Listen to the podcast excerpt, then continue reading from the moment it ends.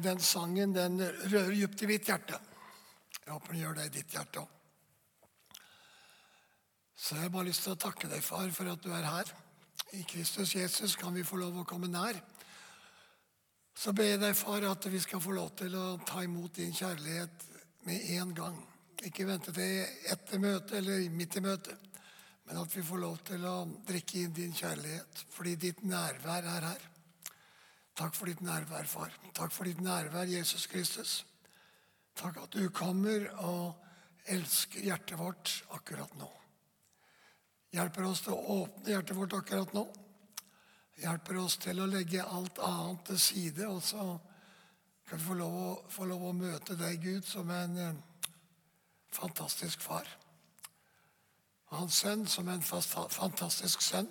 Og Den hellige ånd som i kjærlighet binder alt sammen. Takk at du øser din godhet inn i våre hjerter. At vi kan få lov å drikke. Få lov å drikke. Og vi behøver ikke å vente, men vi kan få lov å drikke. For den som drikker den vann jeg vil gi, sier Jesus, han skal aldri i evighet tørste. Takk at det er, en, det er et vann, en vannkilde i deg, Gud som kan tilfredsstille alle våre behov. Amen. Er ikke det bra? Tusen takk. Kjente dere at den sangen bare dro gudsnærværet ned? Du må bruke den ofte, skjønner du. For den er skapt, den er, den er født i himmelen.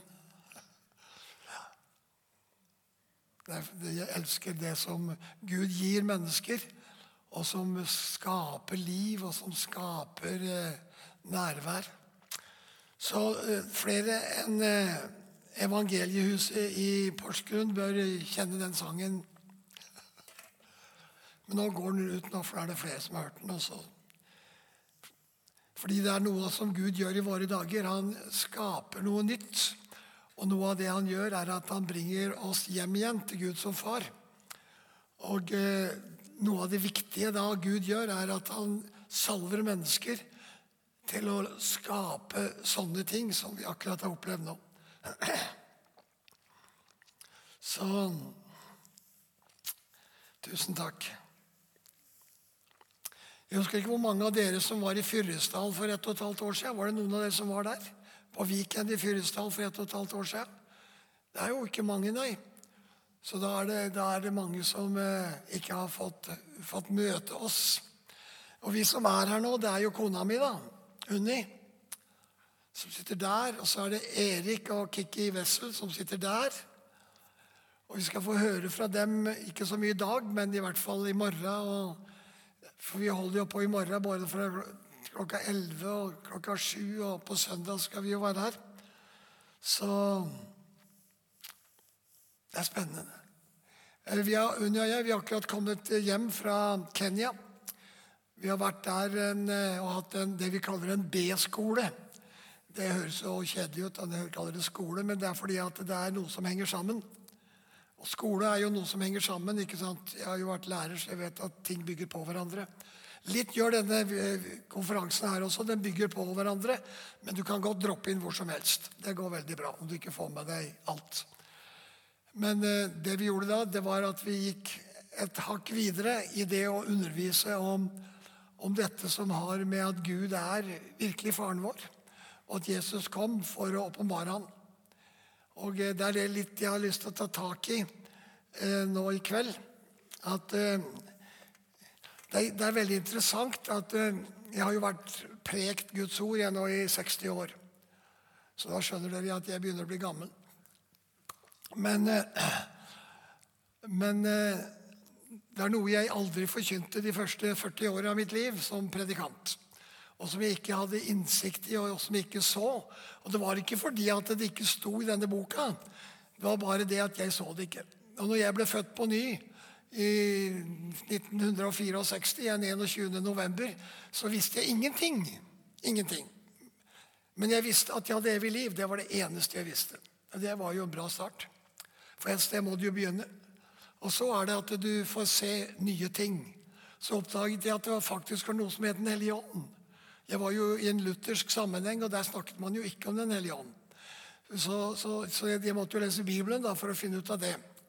Men da, da en vakker dag så ble jeg åndsdøpt. Satt på hybelen min på Hamar en gang. I, og så ble jeg åndsdøpt bare fordi jeg trodde at det, det gikk an. Helt alene for meg sjøl. Og da erfarte jeg en kjærlighet som ikke ante fantes. ikke sant?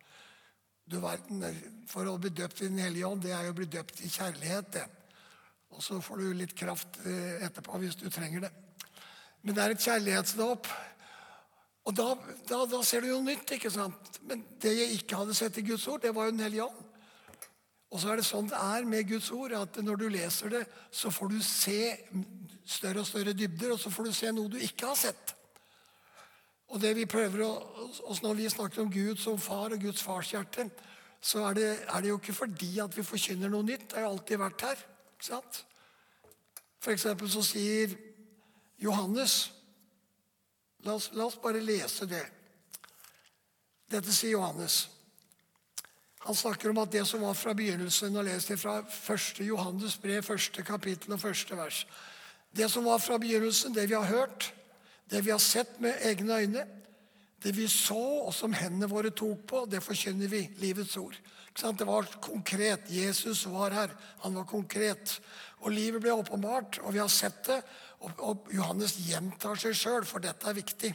Vi har sett det, vitner om det og forkynner dere det evige liv, som var hos Far og ble åpenbart for oss. Det som vi har sett og hørt, forkynner vi også for dere, for at dere skal ha samfunn med oss, sto det i 1930-oversettelsen. For at vi skal ha fellesskap, står det nå, med Far. For at vi skal ha fellesskap med oss. Og så sier han vi som har vårt fellesskap. 1. Johannes 4, 1, 3. Så står det Og vi, sier han. Vi har fellesskap med Far og med Hans Sønn Jesus Kristus. Og Dette skriver vi til dere for at deres glede skal være fullkommen.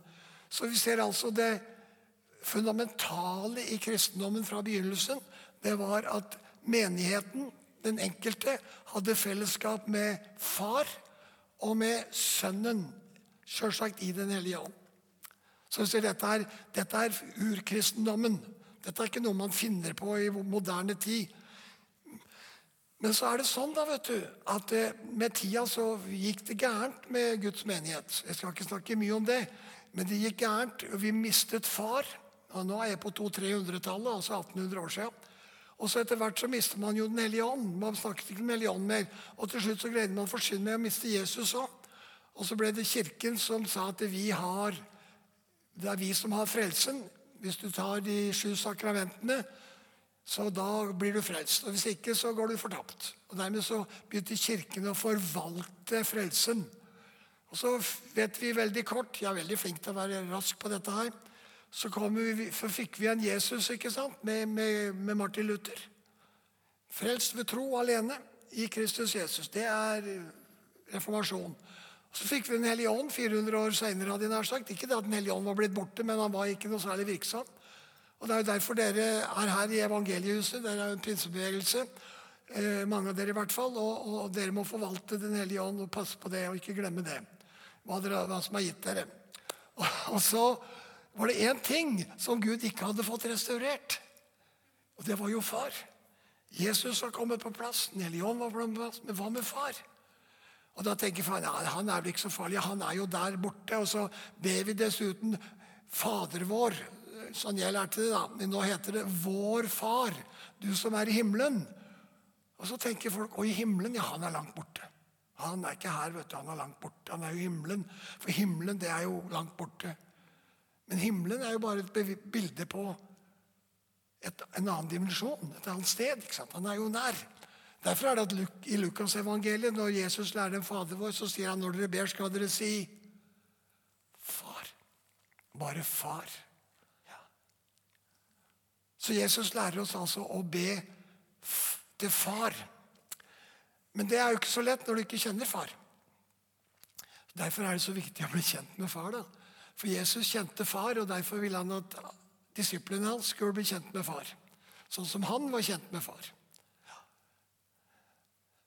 Så derfor er det en periode nå hvor, hvor Guds ånd viser Guds menighet over hele jorden at Gud er far. Og det gjør at vi kommer inn i hvile, folkens. Ut av strev og inn i hvile. En av eh, vår tids eh, største profeter, Bob Jones Kanskje noen av dere har hørt om han. Eh, Bob Jones han døde for en par år siden.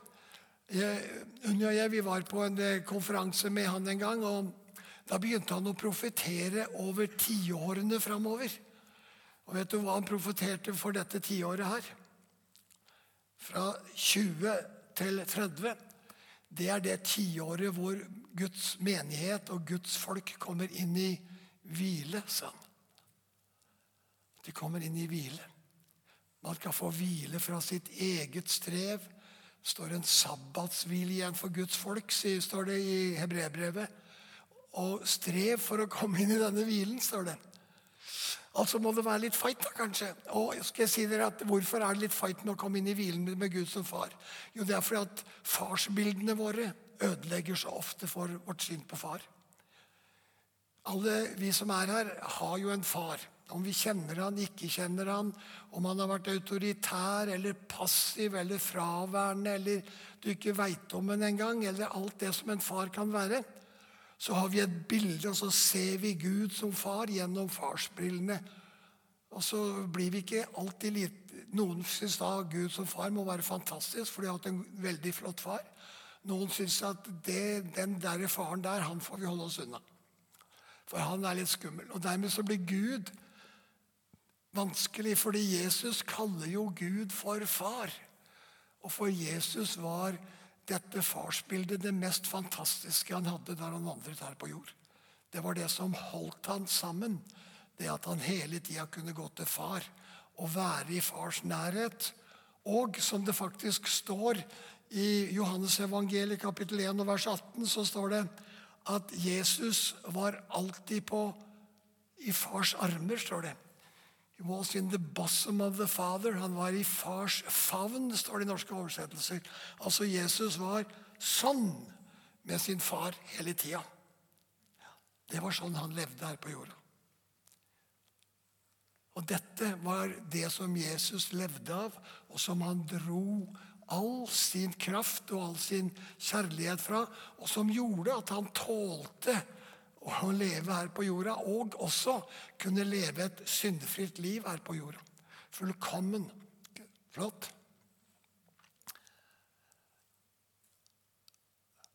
Så derfor, Det vi preker om, er ikke noe nytt, men det er en åpenbaring som vi har sett. Og som i hvert fall jeg fikk se for litt over 20 år siden, et par, par 23 år siden, begynner det å bli nå. Hvor det plutselig var sånn at jeg opplevde at jeg fikk lov å komme hjem til far. Strev. Ut fra mitt eget strev og ut fra mine egne prestasjoner. Trengte ikke å lykkes. Om jeg mislykkes, så var jeg likevel elsket av en far som elsket meg sånn jeg var. Og Dermed så kunne jeg komme inn i hvile. Og Det var et helt nytt liv som begynte for, for meg, som hadde vært pastor i alle år, prekt i alle år, stått og ledet Jesusvekkelsen på 70-tallet på Gjøvik og sett fantastiske ting både på misjonsmarken og overalt, men som ikke var inne i hvile. Som ikke hadde kommet hjem, skjønner du. Som ikke hadde kommet hjem, enda jeg var såkalt vellykket. Jeg trengte å komme hjem. Og det Gud har for oss, det er veldig spennende. For det er akkurat som vi har Vi evangeliske kristne vi har en tendens til å begynne med syndefallet. Da alt gikk gærent. Og så forkynner vi at Kristus kom. Han tok all verdens synd og, og alt dette her. Og så blir vi frelst. Og, for, og så blir frelsen at nå kan vi komme til himmelen.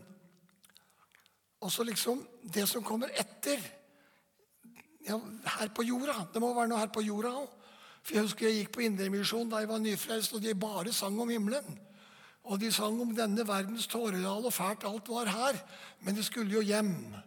Og så tenkte jeg som 18-19-20-åring at dette er veldig lite dette er, dette er, ikke veldig attraktivt for meg, for jeg skal liksom leve kanskje 50 år til. Men så er det faktisk litt sant òg. Altså eksempel I Jesusvekkelsen, vet du hva vi sa da når vi leste Johannes 14, 6? Så sa vi er, Jesus sier følgende Jeg er veien, sannheten Jeg er veien, sannheten og livet. Ingen kommer til himmelen uten gjennom meg. Ja, Vi leste det ikke sånn, men vi, sa, vi mente det sånn. For dette var jo evangelisk kristendom. Men var det det Jesus sa? Han sa, 'Jeg er veien, sannheten og livet. Ingen kommer til Far uten gjennom meg.' Men fordi at evangelisk kristendom, slik vi hadde forstått det, og sånn vi hørte det forkynt i alle sammenhenger, det var at alt begynte med syndefallet. Da gikk alt gærent. Men så kom Jesus og frelste oss, og så skal vi til himmelen. Og Så er det spørsmålet men var det ikke noe før? Var det ikke noe før syndefallet? Står det ikke noe i Bibelen om eh, det?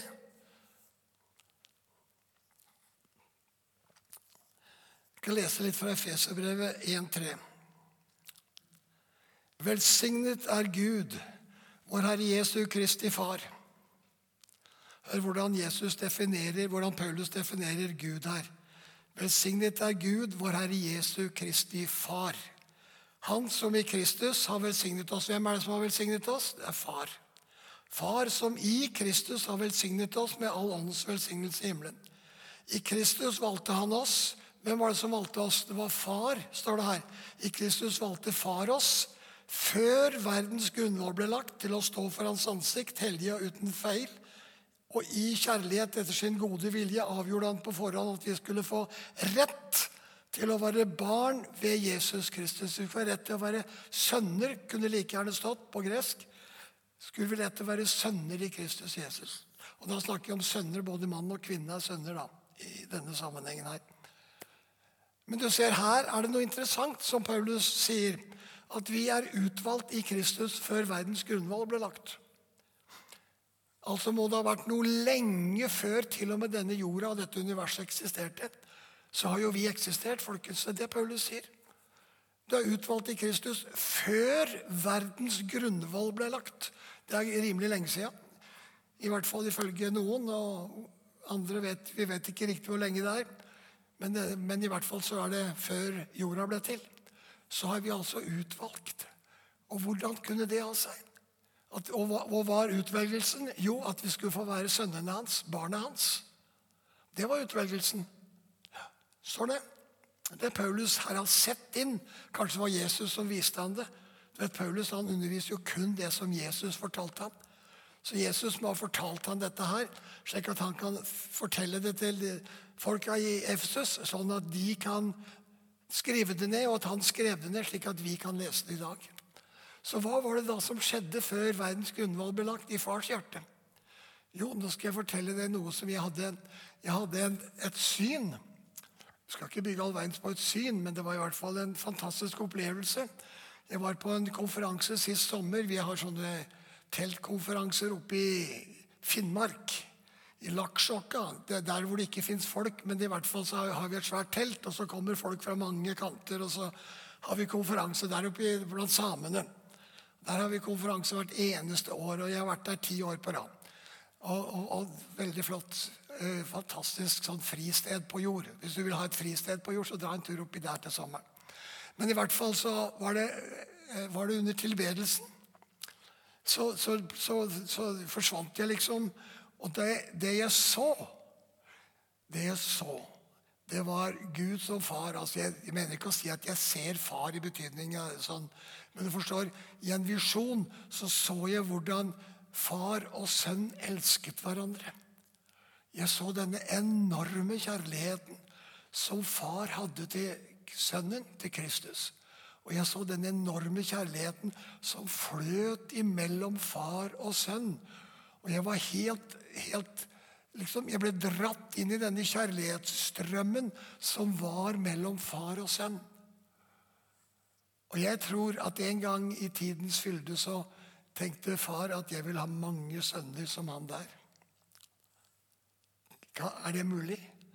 Det må være mulig. Det er ikke sikkert det var akkurat sånn. Men det står jo at Gud skapte mennesket i sitt bilde. Til mann og kvinne skapte han dem. Og hvorfor gjorde han det? Jo, fordi han ville ha sønner og døtre. ikke sant? Han ville ha mange sånne som Jesus. Ikke akkurat sånn som Jesus, da, men i hvert fall de lignet veldig. Når de er skapt i Guds bilde, så, så må vi være skapt ja, litt sånn skremmende likt, lik hvem man er sjøl. Er, er dere med på det? Bare at det er fysisk.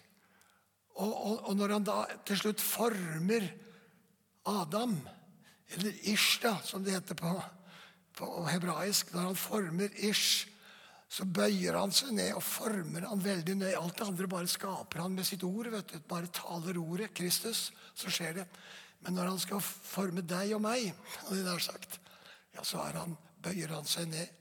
Og han er nøye med hvordan denne Adam skal bli. Og så kysser han, blåser han livsånde inn i nesen. Det må jo bli nesten som å kysse, ikke sant? For du må være ganske nær for å kunne blåse livsånde inn i noen.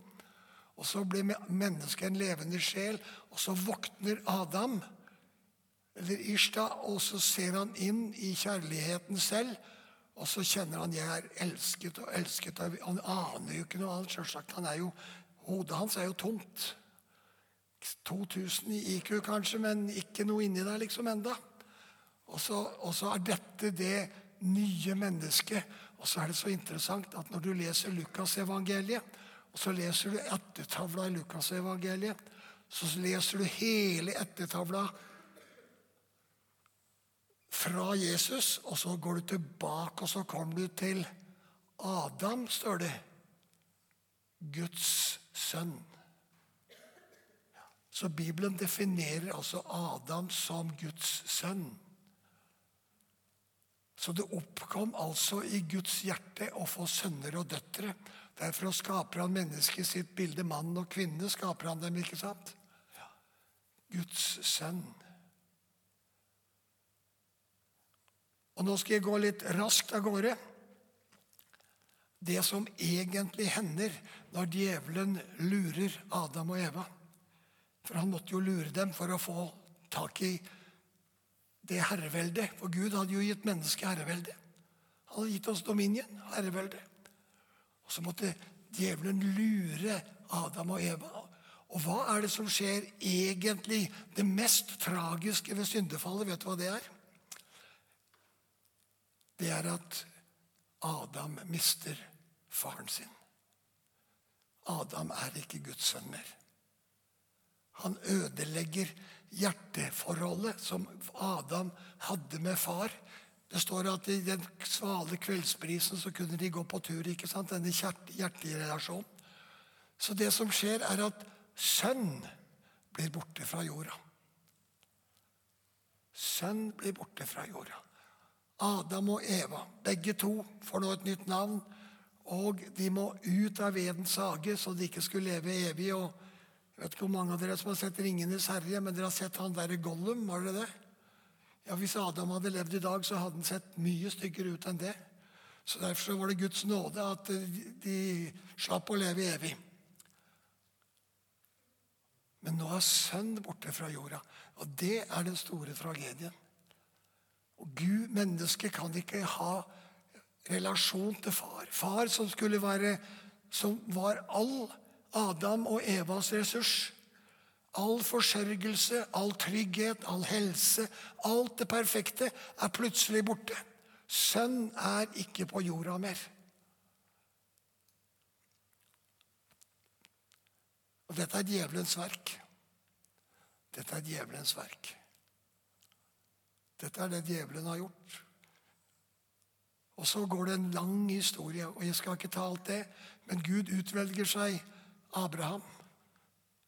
Og I Abraham så ser vi at det profetiske ord blir klarere og klarere om at en dag, en dag, så skal en komme og løse hele problemet.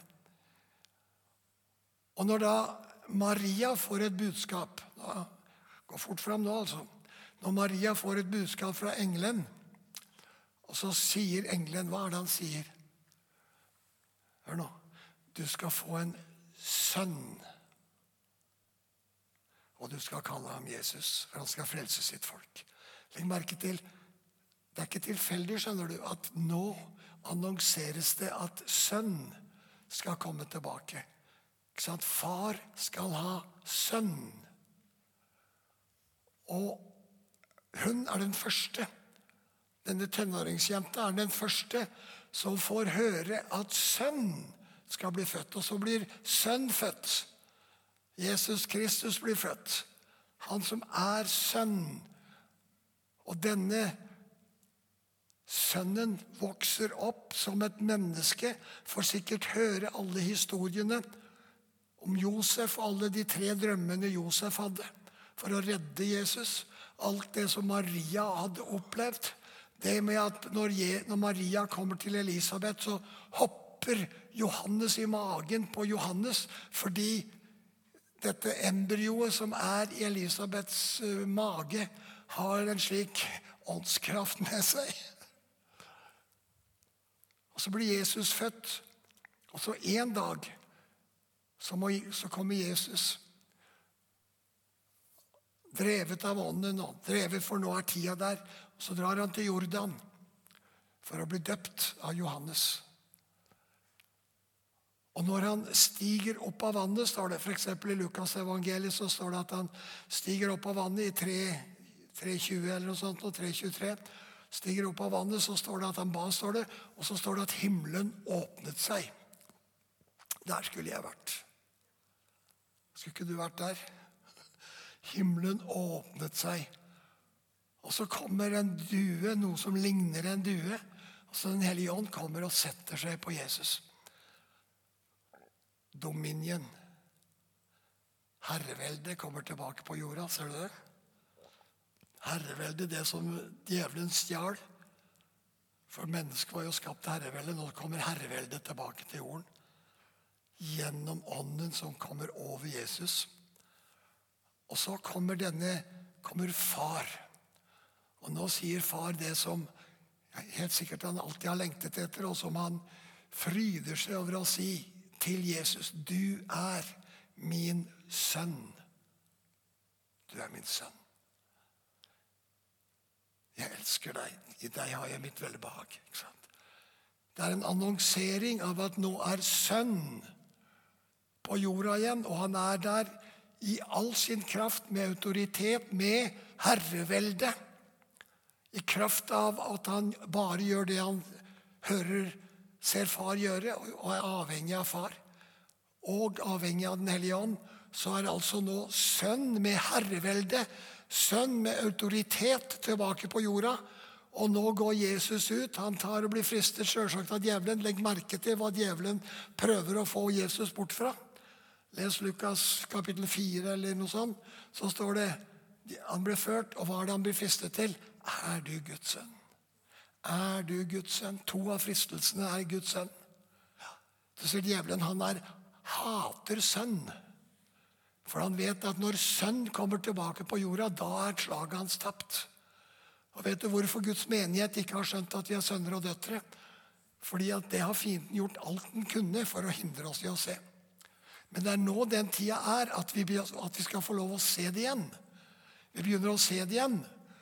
Og Det er fantastisk. Og Nå er det at Jesus som sønn vandrer på jorda og utøver den autoritet og den kjærlighet og den, alt det som sønn skal være. Sønn er på jorda. Og til slutt så er det at sønnen gir sitt liv. Gir alt. Og hvorfor gjør han det? for at far skulle få igjen mange sønner. Han gir sitt liv, gir sitt blod, gir hele livet sitt.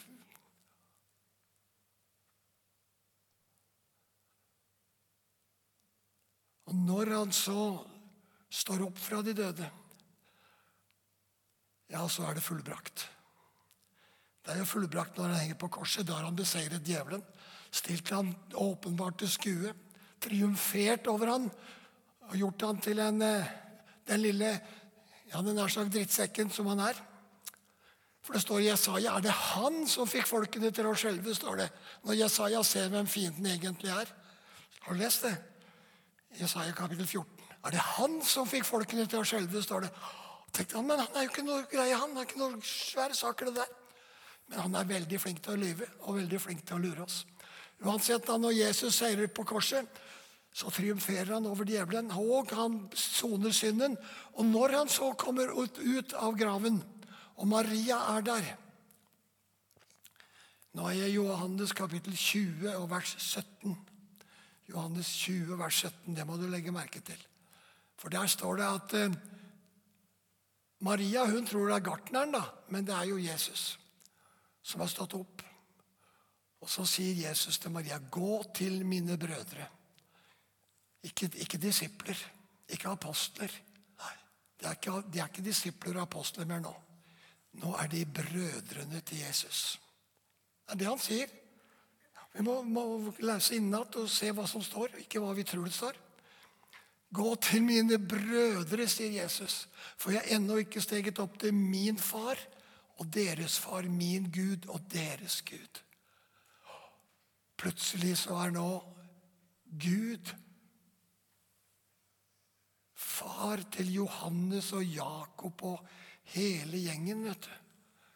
Og de er blitt brødrene til Jesus. Det er en helt ny dag. Djevelens makt er brutt. Autoritet er kommet tilbake på jorda. Herreveldet er kommet tilbake til jorda. Og det er ikke bare Jesus som skal ha dette herreveldet nå, men nå skal alle få det som tror.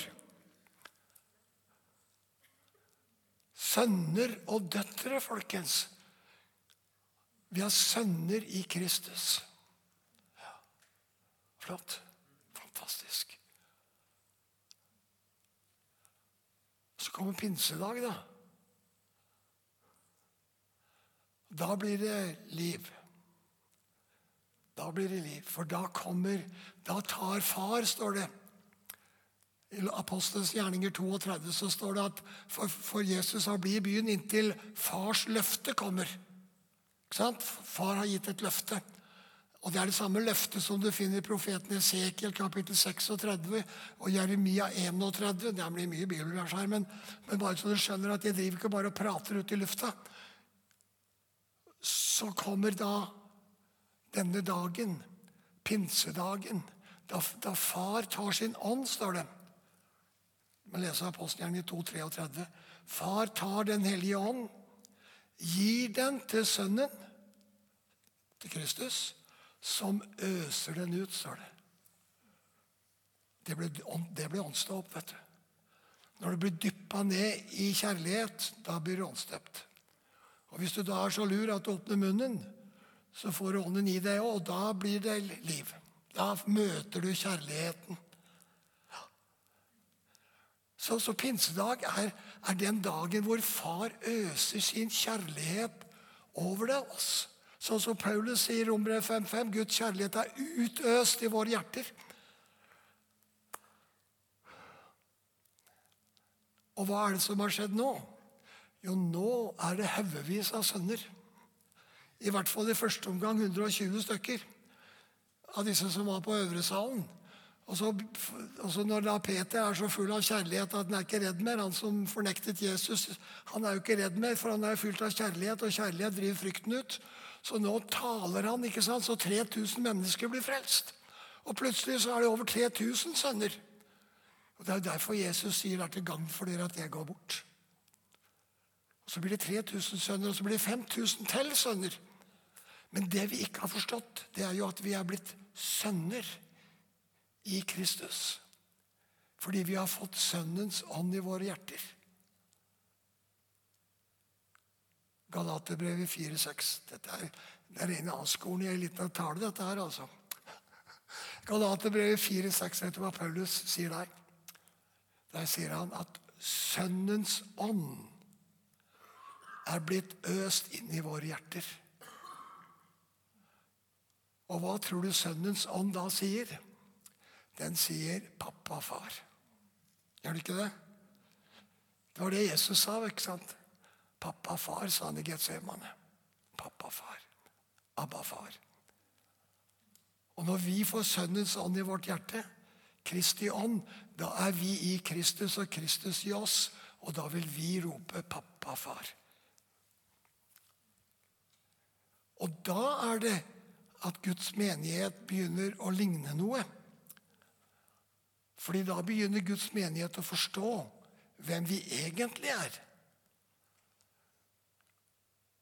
For det som trykker Guds menighet ned, det er skyldfølelse, skam, mindreverd og alle, alt det vi har gjort gærent, som vi gjør at vi syns at jeg er ikke verdt til noe, kan ikke brukes til noe, duger ikke til noe. Men jeg kan alltid sitte bakerst i kjerka og synge sanger. Men, men, men da, da, er det at plutselig så er det du som gis autoritet. Plutselig er det du som gis identitet. Og Vi skal snakke mer om det i morgen. At, slik at du forstår hvem du er. Hvem Kristus i deg. Paulus er jo så sterk. Han sier det er ikke lenger jeg som lever, men Jesus lever i meg. sier han. Og når Jesus lever i deg, vil Si Sønnen lever i deg, da blir du også sønn. Og du vet hvem som er faren din. Og han er tilfeldigvis ikke hvem som helst. Som vi synger her, allmektig Gud, er det ikke det du bruker også? Allmektig Gud, han har blitt faren din. Og når faren din er faren din, da er det ikke så mye annet som er farlig. Når Gud er far, da kan du være trygg i fars armer. Og da kommer du inn i hvile. Og Derfor er det en sabbatshvile når dette går opp for deg. Så det er altså ønsker bare å vise dere i kveld, det er hvordan Gud lengtet etter å få mange sønner. At djevelen ødela alt sammen, men at Jesus brakte sønnekåret tilbake til jord. Slik at vi i identitet kan, som Paulus si, Abba, far. Abba, far. far. Gud er faren min, pappaen min. Og det er virkelig. Jeg kan, jeg kan få lov å være hjemme. Jeg kan få lov å være trygg. Fordi Gud er min far, og alt annet er småting. Ja.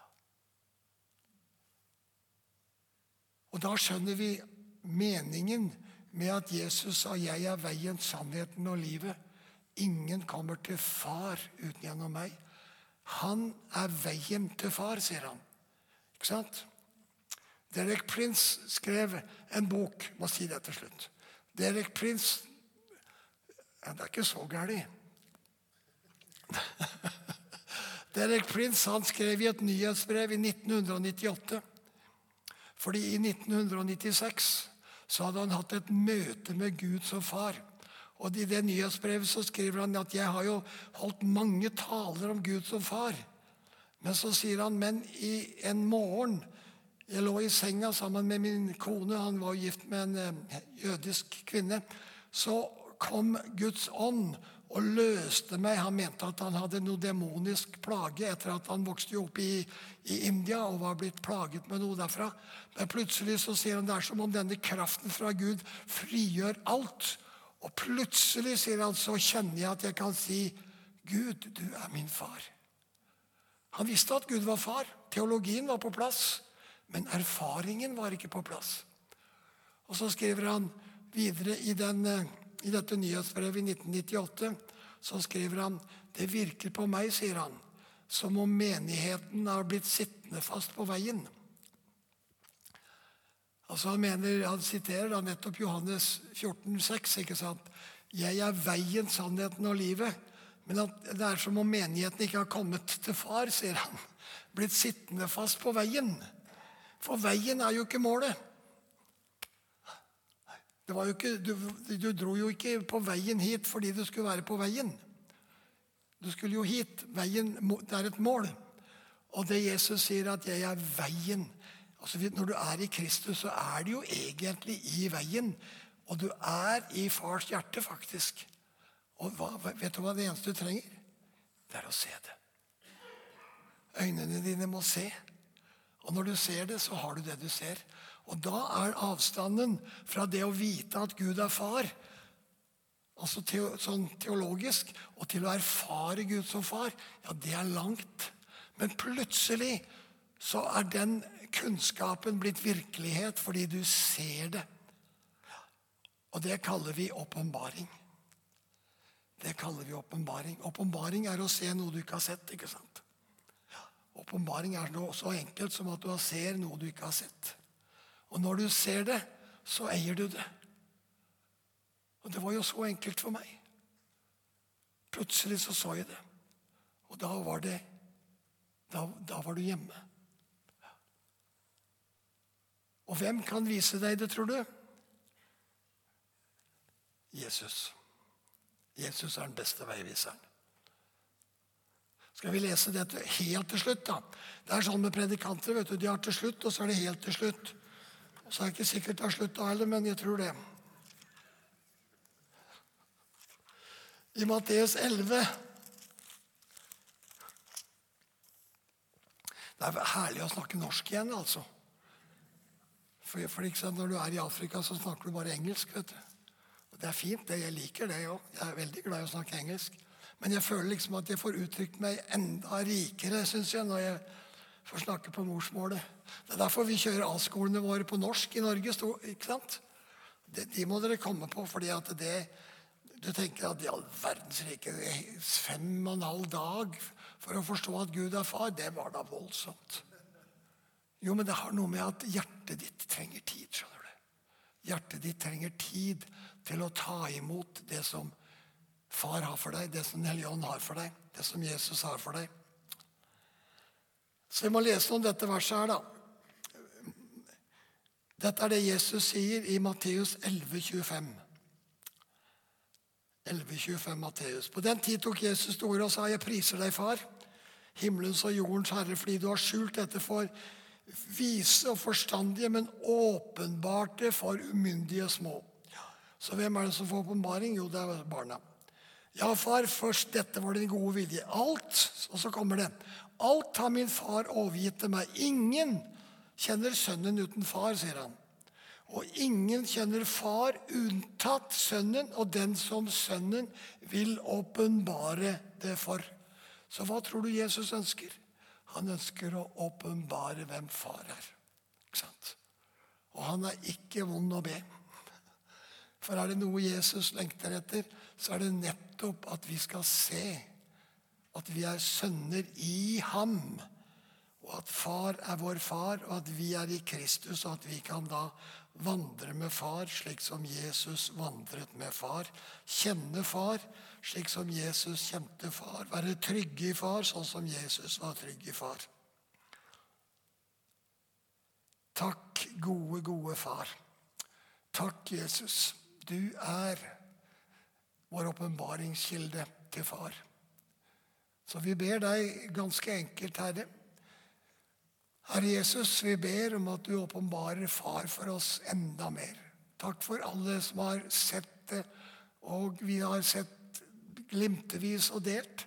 Takk at vi skal få nåde til å se mer og djupere inn i hva det betyr, hva det betyr at du, Jesus, kjøpte oss ikke bare til så vi skulle komme til himmelen, men du kjøpte oss også for at vi skulle få lov til å bli kjent med far igjen.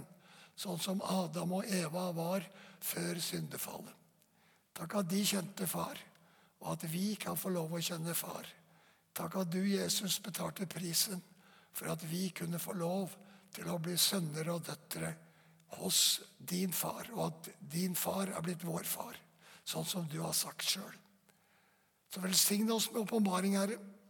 Velsigne oss med liv, og velsigne oss med fred. Takker deg for det, Herre.